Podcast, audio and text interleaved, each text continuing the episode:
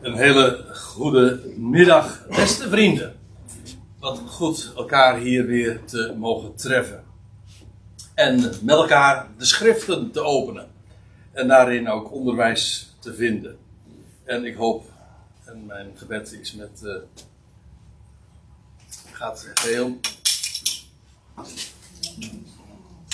mee met, uh, met Lub. Namelijk dat we buitengewoon bemoedigd mogen worden. Niet alleen onderwezen, maar ook bekrachtigd mogen worden in de rijkdom van zijn woord. U ziet het hier naast mij op het scherm. De titel van deze toespraak is Hebreeën 10, vers 25. Met uh, daar de ondertitel bij Stok achter de kerkdeur. En voor een aantal van u is dit vers ongetwijfeld bekend. Maar als ik zeg dat wat er staat uh, geschreven in dat, uh, in dat uh, vers, dan, dan denk ik dat veruit de meeste van ons in ieder geval wel die frase kennen, namelijk de populaire lezing.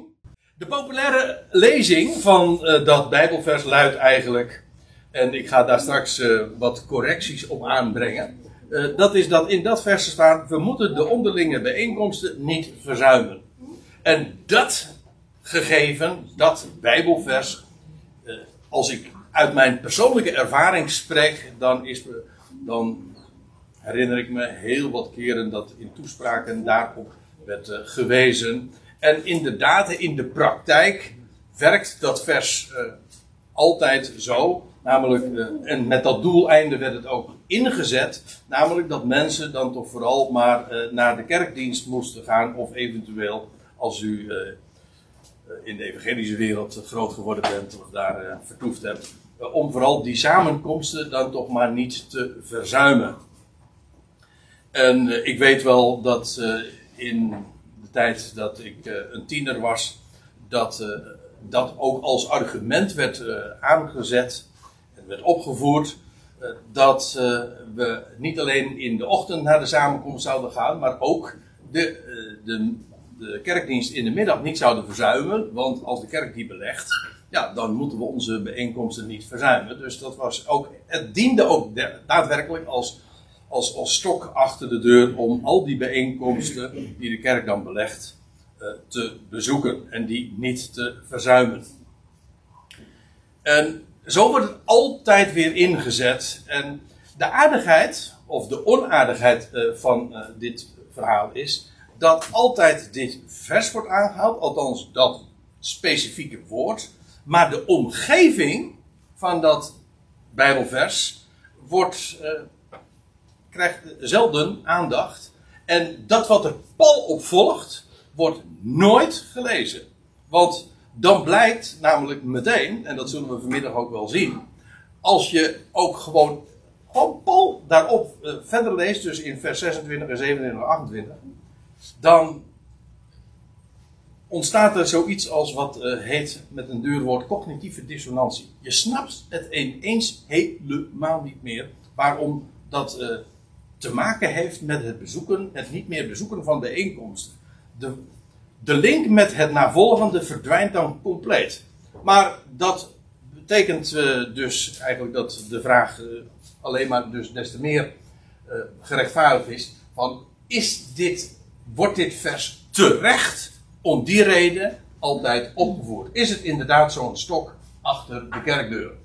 Dus de vraag is, staat dat er ook echt? En het eerste wat we dan moeten doen, in het algemeen als je een brief leest, ja, dan moet je weten, ja, waar gaat het over? Hè? Niet alleen maar wat staat er, maar wat is de hele setting van de brief? En dan heb ik het vooral over een drietal vragen in dit verband. En die ga ik eerst beantwoorden. Gewoon, wat zegt de Bijbel zelf daarover? Aan wie is de brief geschreven? En dan skip ik even voor het gemak de vraag uh, wie, wie de brief geschreven heeft. De schrijver is anoniem. En daarover is uh, genoeg te melden, maar daar heb ik het vanmiddag dus even niet over. Maar aan wie is de brief geschreven? Wanneer is de brief geschreven? En met het oog waarop is de brief geschreven? En dat is heel erg belangrijk. In het algemeen is het zo dat als je natuurlijk een bepaalde boodschap uh, tot je neemt en je weet niets van de hele setting, bijvoorbeeld uh, ja, aan wie het gericht is.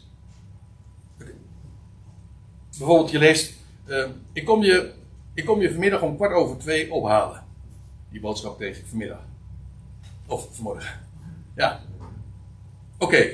Ik kom je vanmiddag om kwart over twee ophalen. Maar dan is het, als je, zo, zo'n berichtje leest, dan moet je wel even weten, ja, A, inderdaad, wie schreef dat, maar ook aan wie, maar vooral ook, wanneer is het geschreven? Kijk, ik bedoel, als je datzelfde berichtje een jaar later nog eens een keertje leest, ja, wat is dan vanmiddag nog? En uh, met het oog waarop. Ik bedoel, iets heeft een setting. En als je een brief krijgt, dan het eerste wat je wil weten is van, ja, de, dat staat al op de envelop. Wat, wat is de adressering? En wat is de afzender? En uh, de timing. Is dat, gaat het over deze tijd of gaat het over een andere tijd? Dat is, we begrijpen allemaal, dat is van het grootste belang om de inhoud van een brief te begrijpen. Je kunt de brief wel lezen, maar als je geen idee hebt van uh, de hele omgeving, de setting, dan snap je er geen snars van. Dat is gewoon heel logisch. En daarom, voordat ik naar Hebreeën 10, vers 25 ga, ga ik eerst eens uh, toch in op deze vragen. Want dit, is, uh, dit zijn gegevens die zo onbekend zijn. In eerste plaats dus deze vraag. Aan wie is de brief geschreven? Nou, dat zou niet zo problematisch hoeven te zijn. Al was het maar omdat de brief namelijk een naam heeft. En dat is de Hebreeënbrief. Dat staat. Uh, er wordt wel eens beweerd, ik heb het meer dan eens gehoord, van ja, dat hebben ze er later bijgezet. Maar ik zou u dit vertellen, als je de oorspronkelijke manuscripten hebt, dat wil zeggen dat waar de, de Bijbeltekst op gebaseerd is, de grondtekst die wij ter beschikking hebben, dan staat het in de manuscripten er gewoon boven aan de Hebreeën. Waarbij ik moet aantekenen dat Hebreeën, ja, dat is een aanduiding van mensen die Hebreeuws spreken. En ja, het zijn nakomelingen van Heber. Maar uh, in de praktijk is dat, zijn dat Hebreeuws sprekenden. En ik heb expres eventjes dit Bijbelvers uh, er nog bij vermeld. Want je leest bijvoorbeeld in Handelingen 6 dat daar in Jeruzalem uh, ontstond daar enige controverse, controverse rond de, de Hebreeuws sprekende, de Hebreeën en de Grieks sprekende, de Hellenisten. En dan zijn inderdaad de Hebreeën, de Hebreeuws sprekende, het betekent nog niet eens hetzelfde als de Joden. Want uh, het merendeel van de Joden spreken ook geen Hebreeuws. In feite zijn Hebreeën dus vooral de, de natives, hè, de, de, de, de, inwoners van het land die de Hebreeuwse taal spreken. Dat zijn de Hebreeën. Zodat het niet alleen maar uh, betrekking heeft op uh, welke mensen dat zijn, maar ook zelfs waar ze wonen, namelijk in het land Israël. Dat is één ding. Dus ja, de brief. Het is de Hebreeënbrief. Dus aan wie is de brief geschreven? Gewoon aan Hebreeën. Dat wil zeggen Hebreeuws sprekende. En dan weet je inderdaad, dan gaat het over Joden. En dan gaat het vooral meer specifiek over de Joden in het land. Uh, en waar uh, de hoofdstad dan toch Jeruzalem is. En trouwens, als je dan even de, het opschrift weglaat. en je begint meteen in hoofdstuk 1, vers 1 te lezen. Ja, dan. Het is weliswaar een brief dus aanhalingstekens zonder echte aanhef. Maar dan wordt er wel meteen gezegd van, God heeft eertijds op vele malen en op vele wijzen gesproken tot de vaderen. Uh, door de profeten. En dan weet je het eigenlijk ook al meteen. Want ja, hoe was het ook alweer? Van wie zijn de vaderen? En dan zegt Paulus in Romeinen 9 vers 5. Hunner, en dan heeft hij het over de Israëlieten. Hunner zijn de vaderen Hunner zijn de beloften. Hunner is de eredienst. Hunner is de wetgeving. Bij een veel eerdere gelegenheid hebben we het daar eens een keertje uitgebreid ook over gehad. Kortom, als in hoofdstuk 1 vers 1 gezegd wordt de vaderen, dan gaat het dus heel uitdrukkelijk over uh, het volk van wie de vaderen zijn. Door wie God ooit de, tot de, uh, door de profeten heeft gesproken. Dus het opschrift, bovendien meteen ook de aanhef van de brief maakt dat uh, duidelijk. En dan is er nog iets wat heel opvallend is. De schrijver veronderstelt dat zijn lezers heel erg bekend zijn met de Hebreeuwse Bijbel. Want ja, het is de Hebreeënbrief. Het is één grote toelichting op de eredienst en alle gebruiken. Op allerlei, zelfs hele kleine details. van wat wij dan het Oude Testament noemen. Daar wordt voortdurend aan gerefereerd. over het Oude en het Nieuwe Verbond. En over uh, figuren als Mozes en Levi en Melchizedek. En de dingen die er gedaan werden in het heiligdom. De schrijver, de schrijver veronderstelt het allemaal als bekend. Ja, wie zijn, wie zijn daarvan op de hoogte? Ja, de eerste groep die daarvoor in aanmerking komt is ja, aan wie de Hebreeuwse Bijbel is gegeven, namelijk aan Hebreeën. En dan kom je dus ook via die route, dus ook weer uit uh, in de, en word je bevestigd in het feit, het is inderdaad een of de Hebreeënbrief. En dan, uh, ja, er zijn nog uh, veel meer aanwijzingen. Als u er nog eentje wil hebben, zo als toegift op deze eerste vraag: aan wie is de brief geschreven? Wel, de lezers vormden het huis van Israël en het huis van Juda. Zo wordt het in hoofdstuk 8, uh, vers 8 ook genoemd. Jeremia 31 wordt dan aangehaald over het oude verbond en het nieuwe verbond. En hetzelfde volk waarmee God ooit het oude verbond sloot, zal hij met dat volk zal hij ook ooit weer het nieuwe verbond sluiten. Het is weliswaar een vernieuwd en een nieuw verbond, maar niettemin, uh, het, is het, het volk waarmee het gesloten was, is identiek. Hetzelfde volk waar God ooit het verbond mee sloot bij de berg dat is ook het volk waar hij het nieuwe verbond mee sluit. En dat zijn de geadresseerden, de Hebreeën dus. En in hoofdstuk 10, vers 30, we komen daar trouwens straks nog even over te spreken, wordt dat genoemd het volk. Het volk, namelijk Israël. Oké, nou, dus uh, voor sommigen is dit trouwens allemaal een beetje overbodig, want die zeggen van ja, ik wist al lang dat dit de Hebreeënbrief was. Dus uh, waarom moet je dit allemaal nog eens een keertje erbij doen? Is dat niet een beetje uh, suiker op de honing strooien? Nee, maar zodat je ook echt weet, dit is een, de Hebreeënbrief gericht aan Israël. Waarvan acte? Punt 2. Wanneer is de brief geschreven? U zegt nou, ergens in de eerste eeuw moet dat geweest zijn. Ja, dat is waar. Maar iets, iets preciezer dan. En dan is het antwoord: het is geschreven aan de tweede generatie. Als je ervan uitgaat. Dus de tweede generatie, moet ik eigenlijk erbij zeggen, van christenen, van gelovigen. Waarbij de eerste generatie, als je ervan uitgaat dat de Heer Jezus stierf en opstond en ten hemel voerde in het jaar 30. En ja, na verloop van 30, 40 jaren uh, krijg je een, een, nieuwe generatie.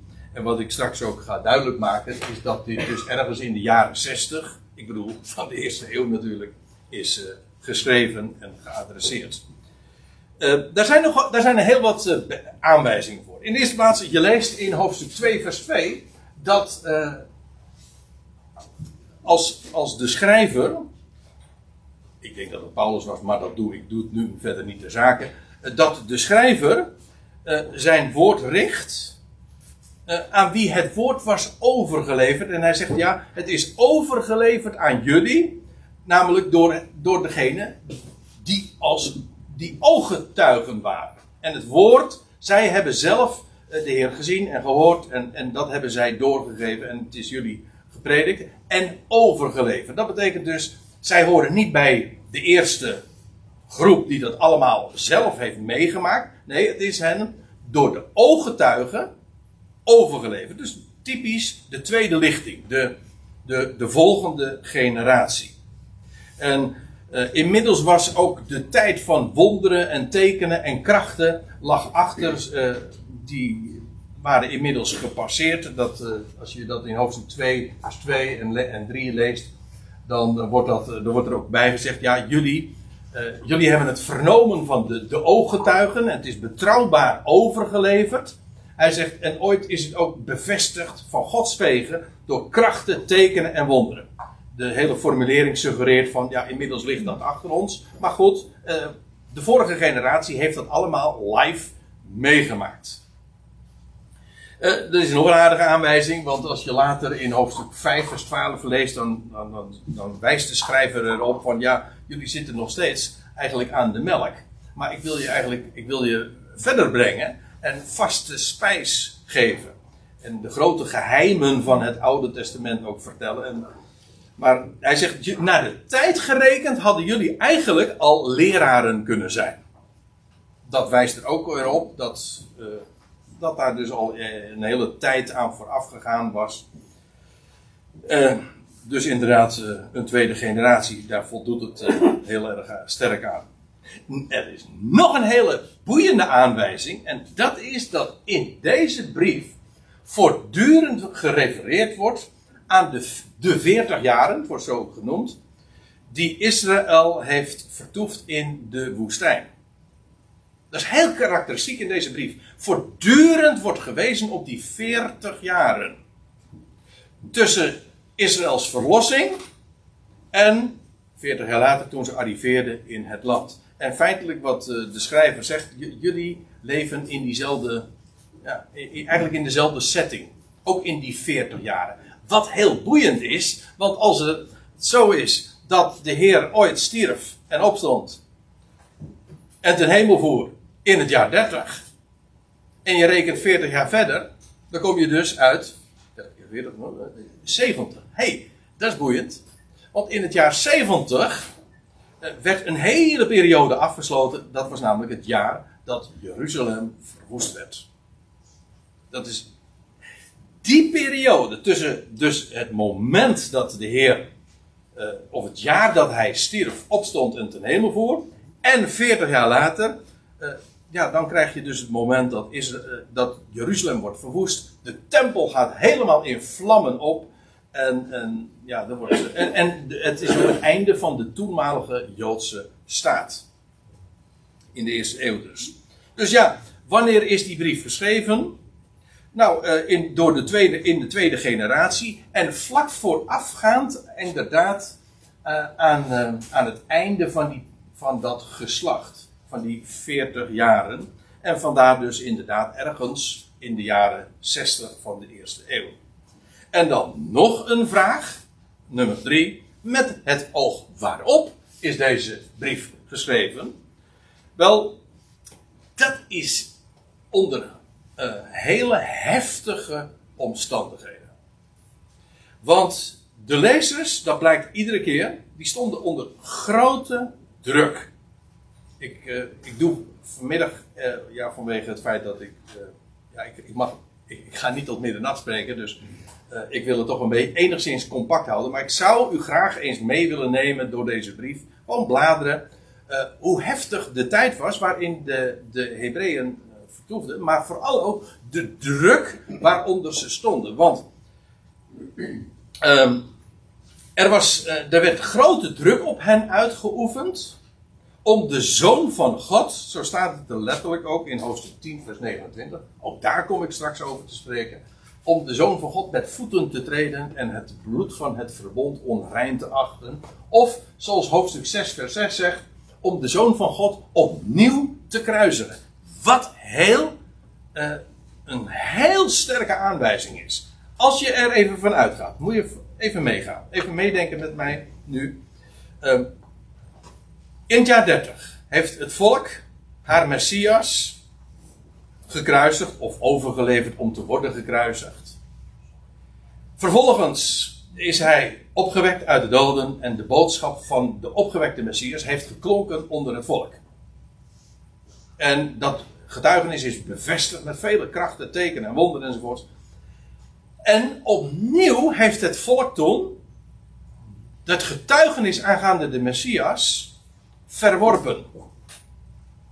Ik bedoel, officieel ook. Het Sanhedrin, de Joodse raad, de regering in Jeruzalem, die heeft uh, Stefanus ge gestenigd.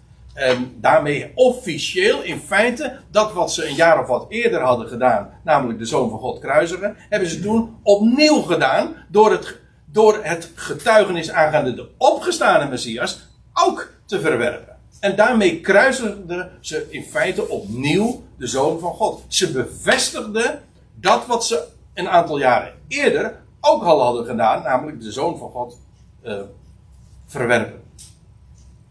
Maar, en dat, dat moet ik er dan even bij zeggen, je leest in het boek Handelingen dat er een, een in dat, dat is tamelijk onbekend, maar eh, dat daar een enorm groot getuigenis was ontstaan in het Joodse land.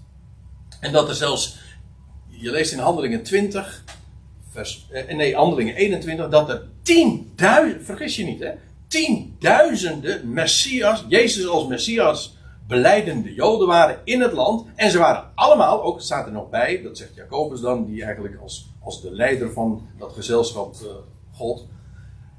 Ze waren allemaal ijveraars voor de wet. Ze hielden de sabbat en de besnijdenis en de gebruiken. Dat was voor hen volkomen vanzelfsprekend.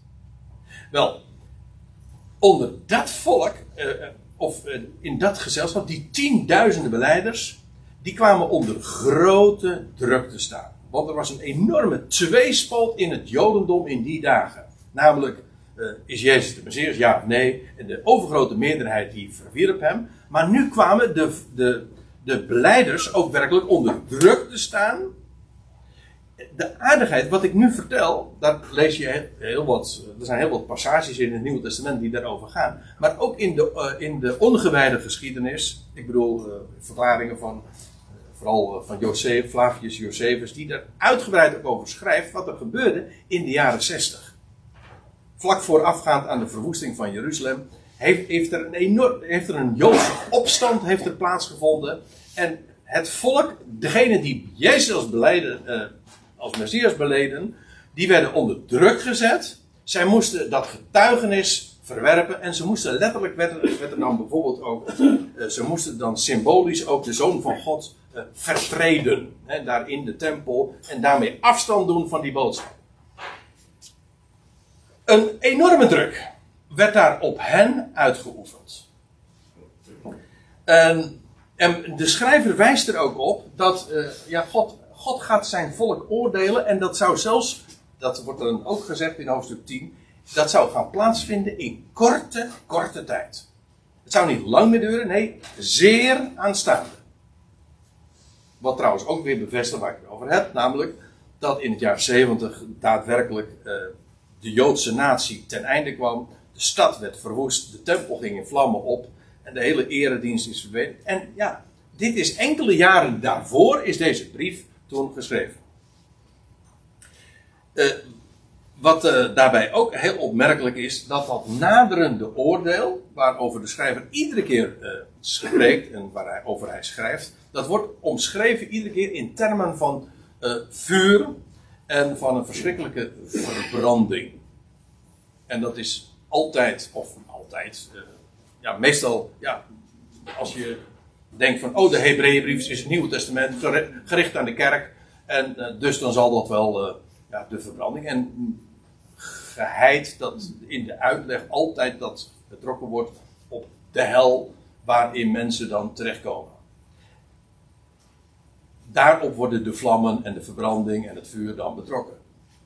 Terwijl het heel concreet over een volk gaat en over een stad die daadwerkelijk inderdaad in vlammen is opgegaan. En dan gaat het niet over een hel, dan gaat, het is ook niet gericht aan de kerk. Het is geschreven aan Israël, aan Hebreeën, die, die uh, die binnen enkele jaren zouden gaan meemaken dat de stad en de tempel in vlammen zou opgaan. En uh, wat daarbij ook uh, uh, opmerkelijk is, aan het einde van de brief wordt, worden de gelovigen, er ook de lezers, worden er op geattendeerd, er worden op het hart gebonden dat zij de legerplaats zouden verlaten. Gaat dan uit, zaten er wordt er gezegd van ja, de heer Jezus die heeft buiten de legerplaats geleden. Dat wil zeggen buiten Jeruzalem, buiten de, buiten de tempel, buiten de stadsmuren. En, dus, en, en er wordt er gezegd van gaat dan uit tot hem buiten de legerplaats. Dat wil zeggen verlaat Jeruzalem. Want staat er, we hebben hier in Jeruzalem geen blijvende stad. En ook dat kun je natuurlijk vergeestelijken en zeggen: ja, we hebben hier geen blijvende stad en we, gaan, we zijn pelgrims. En dat is allemaal waar, waar. Maar nu eventjes in die hele concrete setting begrijp je dat nog zoveel beter. Dan wordt het namelijk heel letterlijk, namelijk die stad Jeruzalem, waar de dat was de centrale plaats van de Hebreeën. En die, en, en die tempel, die zou binnen afzienbare tijd in vlammen opgaan. En dus wordt het volk erop gewezen, dat wil zeggen de gelovigen, om wakker te zijn En om ook de stad te verlaten. Dat, dat had de Heer Jezus trouwens in de Evangelie ook al gezegd. En uh, inderdaad, een hele grote groep heeft de stad ook verlaten. En dat uh, is allemaal bekend. Ook dat staat in de ongewijde geschiedenis. Ze zijn naar Pella gegaan, even buiten, even buiten het Joodse land. En daar hebben ze een veilig onderkomen gevonden. Toen de Romeinen de stad uh, inderdaad in de fik hebben gesto gestoken. En toen er een gigantische slachting in Jeruzalem heeft plaatsgevonden. Ik heb u al volgens mij verteld. Toen we het over deze dingen hadden. In Jeruzalem, vergis je niet hè. In het jaar 70 zijn tussen de 600.000 en 1,3 miljoen. Dat, zijn, ja, dat is een vrij grote marge, dat weet ik. Maar om even een indruk te krijgen. Zeg maar een miljoen Joden over de kling gejaagd. Afschuwelijk. En dat wat nog geresteerde, dat is als slaaf verkocht. Met name in Egypte terechtgekomen. En, dat, en de, de, de toevoer, de aanvoer van, van Joodse, Joodse slaven was toen zelfs zo groot dat een, een slaaf niks meer waard was. Dat, Flavius Josephus beschrijft dat, dat de prijs van, van, van slaven zo kelderde vanwege het enorme aanbod. Ja, hoe meer er van is, ja, hoe, minder waard wordt. En dat, zo ging dat dus in die dagen met, met, met, met slaven. Uh, ik, wat ik er maar wil zeggen, in het jaar 70 vond er een afschuwelijk debakel plaats. Met de, hele Joodse natie. En dat was ook het einde dus van een geslacht van 40 jaar. Precies in die 40 jaren uh, ja, ja, vindt dus de beschrijving van het boek Handelingen ook plaats. Die, die tijd dat... Uh, de tijd ook dat Paulus daar inmiddels in Rome was gearriveerd. Overigens, maar dat zeg ik er eventjes helemaal uh, overcompleet bij. Ik denk dat deze brief ook vanuit, de Romeinen, vanuit Rome is geschreven. Want Paulus, of de schrijver, die zegt ook van... Nou, je krijgt de hartelijke groeten van Timotheus. Uh, maar ook van de broeders in Italië. Dat werpt dus ook weer veel licht op de, adres, of de, de, de briefschrijver. Maar ik had beloofd, daar ga ik verder niet op in. Maar nu heb ik het toch gedaan. Goed. Maar ja, wat dit zo boeiend maakt, is dat. Boeiend, maar niet, veel meer dan boeiend. Dit is van belang om deze brief überhaupt te begrijpen. Als je die setting niet snapt, dan, ja, dan ga, je, ga je het vergeestelijken. En ja, dan ga je absoluut de fout mee in. En ik zal je vertellen, uh, er zijn zoveel mensen, ook in ons lieve vaderland, die hevig verontrust zijn door woorden in de Hebreeënbrief. Het is onmogelijk, Hebreeën 6, het is onmogelijk iemand weder opnieuw te, tot bekering te brengen die de Zoon van God gekruisigd heeft. Of die opnieuw de Zoon van God hebben uh, gekruisigd. En, en, over, en wat overblijft, dat is een verschrikkelijke verbranding. En die hebben dat op zichzelf uh, toegepast. Ben ik zo iemand en het komt never, nooit meer goed. En ik kom dan in de hel. En, uh, ik ben afgevallen. Ja, ik bedoel, ja goed. maar nee, dit is, dit is, dat zijn de, de uitleggingen die daarvan gegeven zijn. En mensen daar zo enorm door verontrust zijn. En dat komt allemaal opdat men woorden op zichzelf toepast. En dat lijkt heel geestelijk. Zeg je, dat is het woord van God en dat mag ik op mezelf toepassen. Ja, maar daarmee misken je wat er echt staat. En dat lijkt geestelijk, maar het is niet geestelijk. Het is, uh, je, je moet gewoon nemen wat er staat. En weet je wat geestelijk is? Dat het is geïnteresseerd zijn in wat staat er nou? De feiten. Ja, die doen er zo. Daar hadden we het eerder over. In de auto op de weg hier naartoe. Goed. Nou, uh, samenvattend dus even. Dit is nog maar in de inleiding, moet je nagaan joh. Uh, maar het is wel van groot belang. Ehm, de geadresseerden in de brief zijn Hebreeën. Het is ergens rond de jaren 60 van de eerste eeuw geschreven. En zij worden voorbereid op en gewaarschuwd voor de totale verbranding van Jeruzalem in 70 AD. 70 anno domini. Nou, dat dus even uh, kortweg, nou ja, uh, ter inleiding over wat die Hebreeënbrief nou eigenlijk behelst. Aan wie het geschreven is, wanneer en waarom uh, dat alles is opgetekend. Oké, nou, nou kunnen we enigszins gewapend uh, de brief ter hand nemen. En dan, nou, dan skippen we dus uh, de eerste negen hoofdstukken sowieso. En, en, en, we komen eigenlijk halverwege in het tiende hoofdstuk. En heel veel waardevols uh, ontgaat ons dan natuurlijk. Maar goed. Hebreeën 10, vers 24. Daar begin ik dan. dan daar haak ik aan om in vers 25 aan te komen natuurlijk. En het navolgende ook te lezen. Waar de schrijver dit zegt. Laten we op elkaar acht geven. Tot aanscherping van liefde en voortreffelijke werk. U weet inmiddels van mij. Oh, dat zie ik nog niet helemaal goed. Maar uh, dat, deze, dat dit een vrij letterlijke weergave is. Gebaseerd op deze woord voor woord vertaling. Oké, dit is zijn woorden waarvan je zegt. Kijk, dit, kun je zo direct ook uh, één op één toepassen op jezelf. Daar heb ik trouwens geen enkel probleem mee. Uh, want ja, dit zijn woorden die je uh, ook wel elders aantreft. Maar uh, vergeet nu ook even niet de setting. Laten we op elkaar acht geven. Waarom? Wel, ja, we horen bij elkaar. We vormen een gemeenschap. Want dat is het idee ook in de Hebreeënbrief. Wat hen samenbond. Dat was het geloof in de gestorven, wat zeg ik, wat meer is, de opgewekte en de verborgen Messias. Even tussen twee haakjes. Deze brief gaat vooral in op het feit dat de hoge priester verborgen is in het heiligdom. En het is, het is bijvoorbeeld ook een grote toelichting op, op, op Yom Kippur, de grote verzoendag. dan had de hoge priester had eerst het offer gebracht en vervolgens ging hij het heiligdom in één keer per jaar helemaal in het binnenste heiligdom. En dan uiteindelijk kwam die uit het heiligdom en dan verscheen hij aan zijn volk. Nou, wat de schrijver van de Hebreeënbrief zegt, dat is een plaatje van de tegenwoordige tijd. Want het offer is gebracht. En waar is de hoge priester nu? Wel, verborgen. Dus niet te zien. Hij is namelijk, naar, eh, zoals dat in de, de typen en beelden al was aangekondigd, hij is nu in het heiligdom, achter het voorhangsel. Hij heeft een nieuwe levende weg ingeleid. Trouwens, dat is ook Hebreeën 10.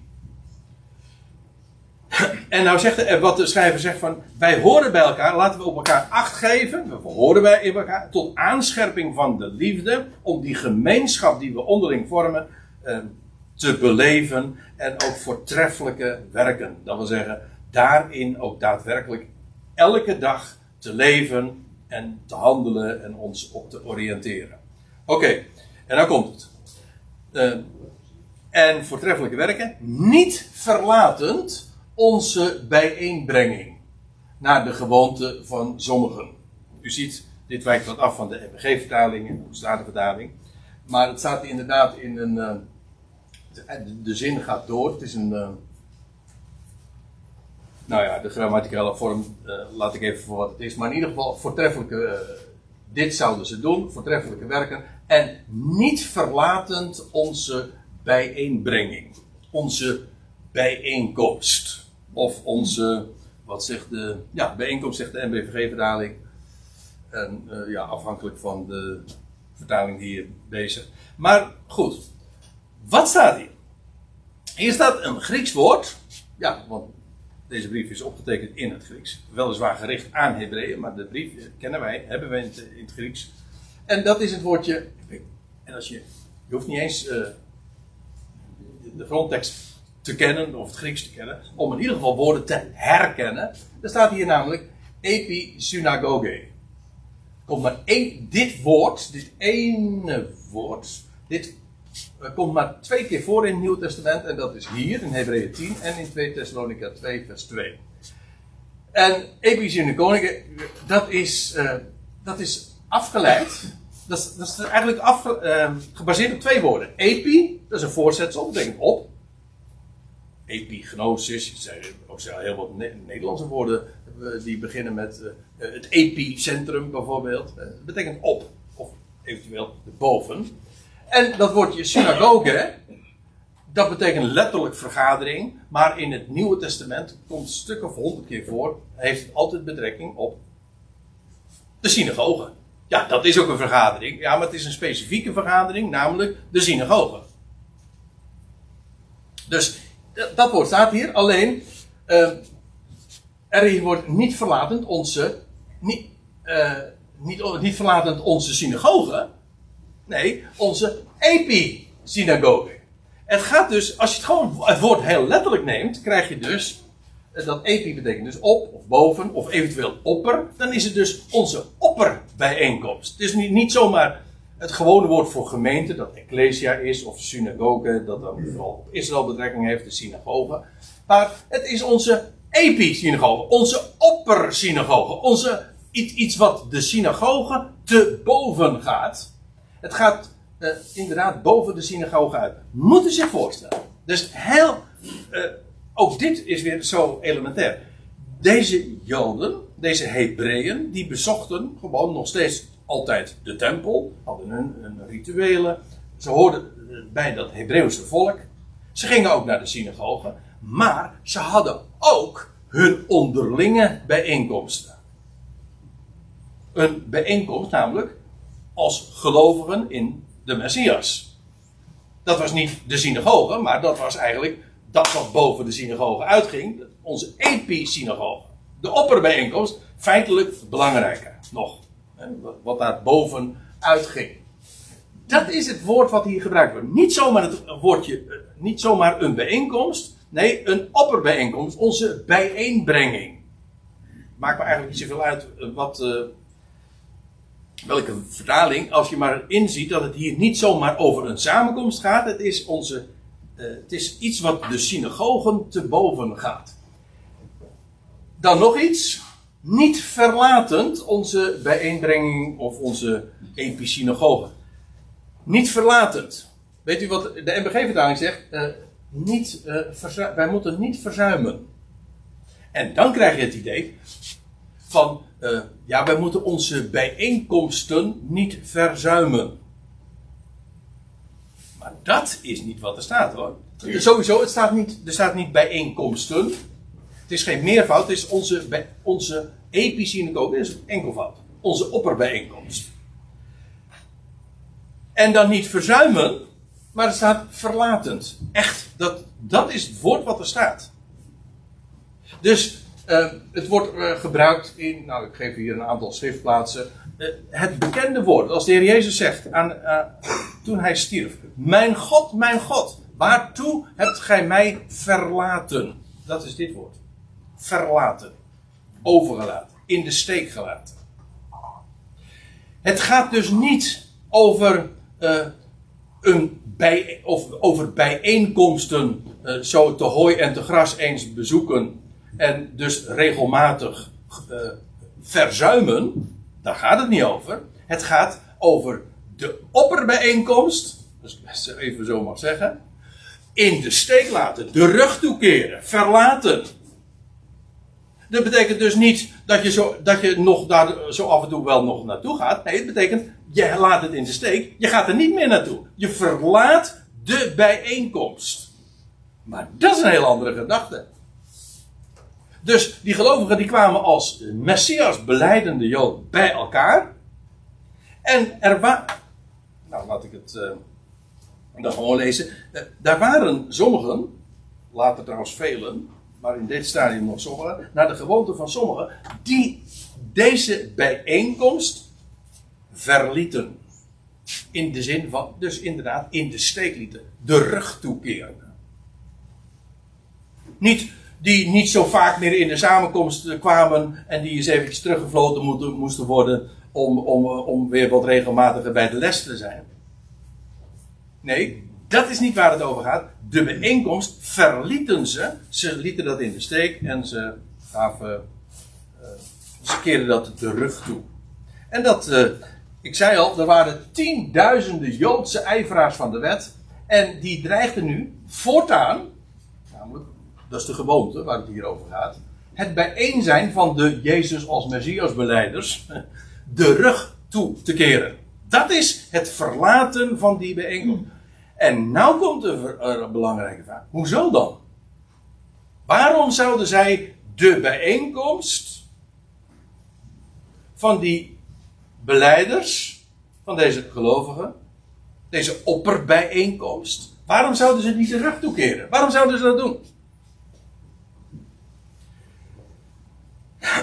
Nou, daar gaat eh, vers 26 eh, antwoord op geven, maar eerst nog even dit. Eh, even doorlezen in vers 25. Eh, kijk, aan de ene kant is wat ze niet zouden doen. Niet verlatend onze, bijeen, onze opperbijeenkomst naar de gewoonte van sommigen. Maar wat dan wel? Wel elkaar aanmoedigend. Dat is het woord. Parakaleo. Oproepen, aanmoedigen, aansporen. Ik meen dat de Statenvertaling zegt vermanen. Hou me ten goede. Ik meen dat maar dan krijg je natuurlijk dit. Bij vermanen, tenminste, in modern Nederlands denken we aan dit, hè, dit opgestoken vingertje. Maar het is oproepen, bemoedigen, aanmoedigen.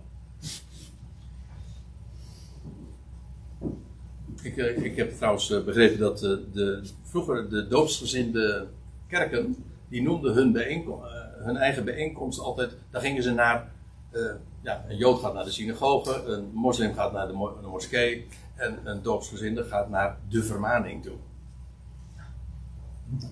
Ja. Uh, maar goed, uh, het woord wat hier gebruikt is elkaar aanmoedigend. En zegt, zegt de schrijver er dan bij. En dat zoveel te meer naarmate jullie de dag zien naderen. Welke dag?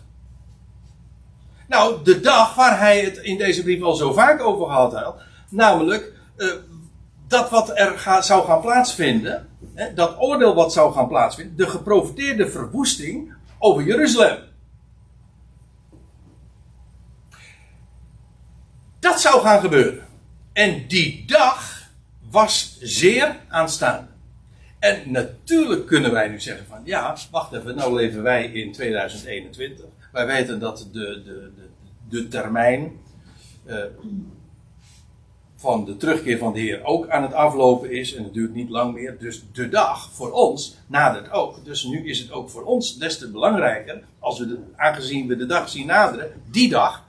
Uh, dat we elkaar dus moeten, elkaar een hart onder de riem steken. En, en vooral wakker blijven. En de schriften te onderzoeken, et cetera. En ik heb geen bezwaar tegen die uitleg. En die toepassing totaal niet. Want ik denk van ja, dat is, dat is zeer ter zake. Maar nu weer even terug Toepassing is wat anders dan uitleg. Toepassing is, je, dat wil zeggen van ja, je kan dat woord eigenlijk, wij kunnen dat woord ook op onszelf toepassen. En uh, wij kunnen daar ook onze les uit leren. Altijd. Natuurlijk, heel de schrift is ons gegeven en ook ter, ter lering en ter, ter bemoediging van ons. Absoluut. Maar deze Hebreeënbrief ja, gaat over een, een heel specifieke dag die zou komen. Dat de Heer zou komen, namelijk om zijn volk ook te oordelen. En als die dag, uh, zou, als ze die zien naderen, dan des te meer elkaar zouden aanmoedigen. En, en, en dus uh, dat, uh, dat wat hier in het voorgaande stond, om dat te betrachten. En als de, naarmate de tijd nadert en naarmate de dag vordert, ja, wordt de urgentie om dit ter harte te nemen alleen maar sterker. En nou komt, nou, nou, nou komt het, uh, ik, nu komt dat wat ik eerder al bedoelde, dat dit wordt nooit bij die stok achter de deur, zoals dan Hebreeën 10 vers 25 wordt toegepast, dit wordt nooit voorgelezen. Ik ik, maak ik heb het eigenlijk nooit zo meegemaakt, omdat men dit niet kan plaatsen. Vers 26. Moet je opletten, want vers 26 sluit direct aan. En sterker nog, het is een uitleg, een toelichting op het voorgaande vers, want het begint met want. Dus er wordt iets toegelicht wat in het voorgaande vers stond. Namelijk uh, dat wij uh, niet zouden verlaten de onderlinge, de episynagoge. Dan zullen we het maar even op zijn Griek zeggen. Onze opperbijeenkomst. De schrijver zegt dit. Want als we willens zondigen, nadat we besef ontvingen van de waarheid. Wacht even. En trouwens, er staat nog bij: blijft er geen offer voor de zonde over. Maar wacht even. Als je, eh, als je nou wel eens verstek laat gaan met het bezoeken van de bijeenkomst. Is dat hetzelfde als willens eh, zondigen? En is het daarmee zo dat er geen offer meer voor de zonde dan voor ons overblijft? Dat, dat scheurt. Dat, dat, dat, de logica ontgaat je. Dus zeg van uh, het feit dat je, dat je wel eens spijbelt. En uh, niet van de partij bent, betekent dat, dat je dan willens zondigt. En dat dan het offer niet meer voor jou is. Ziet u hoe, hoe, hoe, krom het is, maar ook hoe fataal het kan zijn wanneer je woorden zomaar uit zijn context ligt en zomaar, terwijl het specifiek aan een volk gericht is in een bepaalde situatie, waarbij, eh, nou ja, wat ik u zojuist schilder, als je dat zomaar lukraak, lukraak op ons van toepassing brengt, dat klopt van geen kant. Kijk, hier gaat het namelijk niet zomaar over spijbelen en uh, bijeenkomsten niet bezoeken. Nee, het gaat hier over het verlaten van, het de rug toekeren van dat gezelschap dat Jezus als de Messias erkent. En dat is inderdaad willens zondigen, want we praten hier over een, over een mensen, over een groep die wel bewust van de waarheid, namelijk dat Jezus de Messias is, bezwijkt onder de druk om de Zoon van God te verloochenen. En dus die samenkomst niet meer gingen bezoeken. Ze wisten, Jezus is wel de Zoon van God, maar er stond zoveel druk op hen om, daar, eh, om zich daarvan af te keren, van dat gezelschap, en daarmee ook van de boodschap, dat ze dat, eh, ja, als je onder die druk bezwijkt, wat heel begrijpelijk is, maar dat Paulus, of de schrijver zegt, dat is willenszondig. Want je weet, wat je verlaat is de waarheid. Dat, dat, dat, staat, niet ter, dat staat niet ter discussie. Dat Jezus de Messias is, stond niet, niet ter discussie. Ze wisten dat. Alleen ze dreigden te bezwijken. Nu, er zo, nu hun voortsgenoten, hen zo onder, en, en ook van regeringswegen, hen de druk opgevoerd werd om dat gezelschap te verlaten. En de, was trouwens ook heel veel smaad bij. Om, om, eh, om daar niet meer bij te horen. Dus. Het was ook, je leest in hetzelfde hoofdstuk, Hebreeën 10, lees het vervolg maar, dat ze, uh, dan staat er ook, uh, dat ze het, de roof van hun bezittingen moesten tolereren. Dus het was maar niet alleen maar van, er werd kwaad over hen gesproken, of er was wat, wat ruzie in de families. En, nee, het was echt verdrukking die ze ondergingen waarbij zelfs hun bezittingen niet meer veilig waren. Dus hun vrijheid stond echt uh, op het spel. En hoe gemakkelijk kun je dan onder de druk bezwijken en zeggen van nou, dan ga ik, laat ik dat hele gezelschap maar uh, de rug toekeren. En dan ga ik de zoon van God inderdaad maar met voeten treden. Wat gevraagd werd van hem. Maar dat is wel willenszondig. Ik bedoel, men wist dat wat men miskende de waarheid was. Maar ja. Uh, en, en, de schrijver zegt er dan ook bij. U, hoort, ik zeg hier Paulus, maar goed. Doet even niet de zaken. Als u zegt van voor mij was het ander, prima, ook goed. Er blijft. Nou moet je ook dit nog even zien. Daar staat er. Uh, want als we willen zondigen nadat we besef ontvingen van de waarheid, blijft er geen offer voor de zonde over. En zeggen, zie je wel, als je dan zo kan het dan ook opgevat worden. Nou, eh, nou spijbel jij. Dit is even de misvatting dus. Hè? Je spijbelt. Maar dat betekent dat jij, de, dat jij het geloof niet serieus neemt. Maar als dat echt zo is, dan blijft er voor jou geen offer meer over. En die losprijs die betaald werd voor allen, dat is niet voor jou. Ik zeg u dit, dit is gewoon leugen. Dat is gewoon leugen. Waarom? Omdat men het uit de setting haalt. Het idee is namelijk, blijf even bij de les. Het gaat hier over. Dit is namelijk letterlijk waar. Kijk, als zij namelijk, die Joden daar, in de jaren 60, in Jeruzalem, vlak voorafgaand aan de verwoesting van de tempel, bezweken onder de druk en Jezus als Messias afwezen, wat ze dan deden, is het ene grote offer afwijzen. Dat is wat ze deden. En dan vervolgens de offerdienst die daar in Jeruzalem plaatsvond, die zou binnen enkele jaren sowieso verdwijnen, doordat de, de hele tempel verwoest en in vlammen zou opgaan.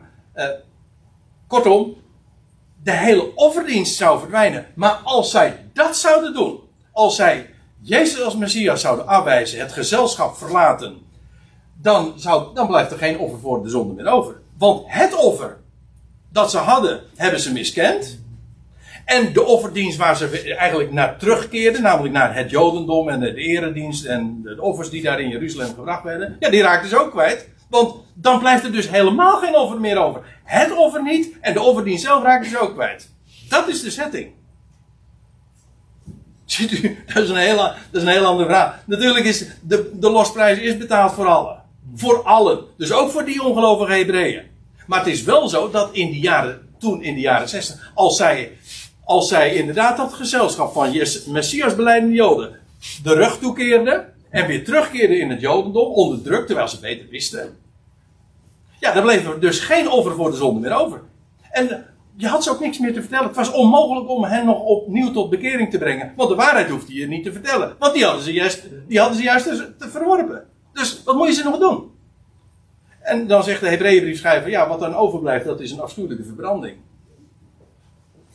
Waarbij men altijd dan denkt aan de hel. Maar dat heeft er niets mee te maken. Nou, kijk eens, uh, dan blijft er geen offer voor de zonde over. En dan staat erbij in vers 27. Maar een vreselijke opwachting van oordeel en felheid van vuur. dat de tegenstanders op het punt staat te verteren. En u weet inmiddels, net zo goed als ik, hoe dat wordt toegepast. Dit gaat over de hel. En dit, de boodschap om ernst te maken, om vooral toch maar in de kerkdiensten bij te bewonen dan wel de evangelische bijeenkomst. Die kun je heel erg hard en zwaar aanzetten door te zeggen van ja, want als je dat niet doet, als je daar geen ernst mee neemt, dan blijft dit over. Maar daar gaat het niet over. Dit is letterlijk zo gegaan. Het offer wijst men af. Als, als men het offer zou afwijzen, ja, dan zou dan had men het offer niet meer. De offerdienst zou sowieso binnenkort verdwijnen. En wat er uh, zou gebeuren, ja, is inderdaad een felheid van vuur, een opwachting van oordeel. En de tegenstanders die, zouden op die stonden op het punt verteerd te worden. Dit is letterlijk zo vervuld in, in, in het jaar 70. Legendarisch is dit zelfs. Dit is een van de hoofdmomenten in de Romeinse geschiedenis. Ook in de ongewijde geschiedenis is dit een van de meest grootste mijlpalen eh, van de eerste eeuw geweest. Ik bedoel, in de, eh, de, uh, een mijlpaal in, in, de, in de 20e eeuw was 1940 of 1945. Nou, een mijlpaal in de eerste eeuw was het jaar 70. De verwoesting van Jeruzalem. En ja, ik heb hier twee plaatjes. Dit is wat er gebeurde. De, want de, de Romeinen hebben de stad drieënhalf jaar lang omsingeld. Ja, ja. Daar zit nog heel wat aan vast hoor, wat ik nu zeg. Maar hebben de stad omsingeld. En uh, nou, het is ook trouwens dezelfde tijd als van de geschiedenis van Masada. Want toen zijn een aantal, een hele groep van vrijheidsstrijders zijn naar de richting de Dode Zee, hebben, zijn, hebben zich daar verscholen. En uiteindelijk zijn ze daar ook omgekomen. Maar de hele stad is uiteindelijk helemaal in vlammen opgegaan. En er is, dat had de Heer Jezus trouwens al gezegd, geen steen is er op de andere gebleven van de, van de tempel. Geen steen. En dat is het lot geworden van, van Jeruzalem. En de hele stad is ook daadwerkelijk in vlammen opgegaan. En dit, deze, dit plaatje, dat, uh, dat kunt u nu nog steeds in Rome vinden. Want de Titus, de grote veldheer, die heeft uh, dit, uh, die, uh, die is met de, de kandelaar, met de gouden kandelaar en met al die attributen die in de tempel waren, waren vertegenwoordigde een gigantische rijkdom natuurlijk. Die heeft al die, die attributen heeft hij veiliggesteld. En die zijn gewoon naar, Jeruzalem, naar Rome gebracht. En uh, zijn daar bewaard. Tot, nou, nou, tot op de dag van vandaag, weet ik eigenlijk niet. Maar in ieder geval, de beschrijving van deze afbeelding. Ja, die is al vele, vele eeuwen oud. En dateert ook uit die tijd dat dit plaatsvond. Dus ja, dat jaar 70 is zo markant. En is daadwerkelijk ook vervuld. Hebreeën 10 is dus zo concreet. Hoef je niets aan te vergeestelijken. Hoef je niet, het heeft niets met de hel te maken. Het is daadwerkelijk verbranding en de, de omkering van de stad En, de, of het, en ook dat daadwerkelijk een einde is gekomen aan het oude verbond. En dan staat er nog bij in vers 30. Want wij weten, zegt de schrijver dan, wie zegt: Mij komt de wraak toe, ik zal het vergelden. Wordt in, de, in Lucas in de reden die de Heer Jezus op de Olijfberg ooit gehouden heeft, heeft hij, had hij al gezegd, dat zijn de dagen van vergelding. En, en wederom, de Heer zal zijn volk oordelen. Ja, dan weet je ook meteen, dat gaat over de Hebreeën, hè? Over Israël. En, dan, en dit is geciteerd uit, uit Deuteronomium 22, 32, waar staat: Mij komt de wraak toe en de vergelding tegen de tijd dat hun voedsel wankelen. Want Jabez zal recht doen aan zijn volk en zich ontfermen over zijn knechten. Dus ja, dat is een afschuwelijke gebeurtenis geweest, maar dit was lang van tevoren al aangekondigd. En ik heb u ooit wel eens een keertje verteld dat uh, over, uh, over die, die 40 jaren wat daar gebeurd is in de tempel. En dat iedere keer, dat het, bekend in het Jodendom. Zo, dit is zo echt. dit is mind-blowing hoe het Jodendom inderdaad bevestigt dat vanaf het jaar 30, dus vanaf het jaar dat de Heer stierf en opstond en ten hemel voer, vanaf dat jaar eh, zijn alle, gingen dagelijks spontaan de deuren van de tempel allemaal open. Spontaan. Er gingen de lichten iedere keer uit. Spontaan. En de priester hebben ze, wat is hier aan de hand? En dat waren allemaal voortekenen van de uiteindelijke verwoesting. Maar dat heeft allemaal plaatsgevonden in die 40 jaren. Zo markant, zo duidelijk, zo concreet. Inderdaad, over zijn volk. En op het moment dat je dat niet begrijpt, ja, dan ga je zo'n zo, zulke woorden uh, volstrekt misplaatst toepassen met alle dramatische gevolgen van dien. Dus conclusie, want daar wordt het nu wel tijd voor. Uh, kijk, het belang en de waarde van bijeenkomen van gelovigen is boven elke twijfel verheven. Ik hoef nu niet meer te gaan aantonen van hoe belangrijk het is om bij elkaar te komen. Trouwens, tegen u hoef ik het sowieso niet te zeggen, want u bent hier al. en, en weet je, dat. We hebben nou een hele tijd eh, van, uh, van die coronatoestanden gehad en dat, je, dat het zo moeilijk was om elkaar bijeen te komen. En dan mocht ik uh, thuis achter het scherm kon ik mensen dan toespreken. Nou ja, als je, als je niks beters hebt, dan is het prima. Dus, maar het is een drama, vind ik. Dit is, dit is gewoon een gemeenschap vormen. Dit is met elkaar spreken, elkaar zien. En dat is, dat is waardevol. Dus ja, uh, de waarde van bijeenkomsten, dat, is, dat, dat, dat, kun je niet, dat kun je eigenlijk niet overwaarderen. Dus dat staat niet ter discussie. Wat wel ter discussie is, staat, is dat die stok achter de kerkdeur. Weet je wel, dat men zegt, ja, je moet wel komen, want er staat in Hebreeën 10, vers 25. Heeft er niets mee te maken. Nou, de enige overeenkomst is dat de waarde van bijeenkomen staat inderdaad, dat, dat wordt in dat vers benadrukt. En oké, dat is wat we inderdaad uh, daar ook, in, ook van kunnen leren. Maar voor de rest, de hele context gaat over iets totaal anders.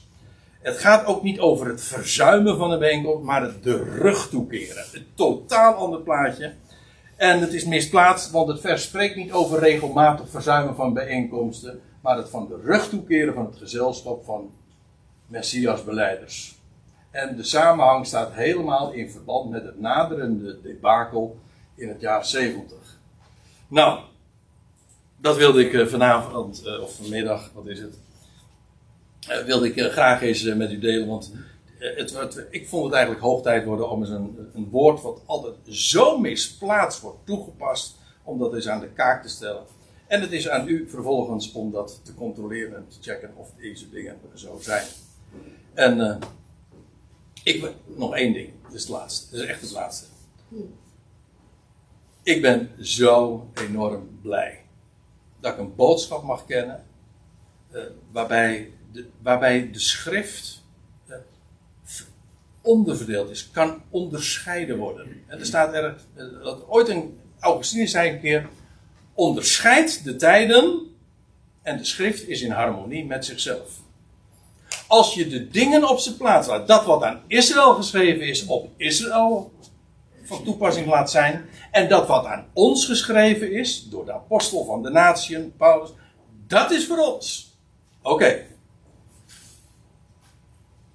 Als dat duidelijk is, dan gaat de schrift ineens zo spreken. Wordt zo enorm concreet, zo helder, maar ook een blijde boodschap. Want dan ga je dus zulke woorden die we nou lazen over de felheid van een vuur en hoef je niet op jezelf toe te passen of te misplaatsen.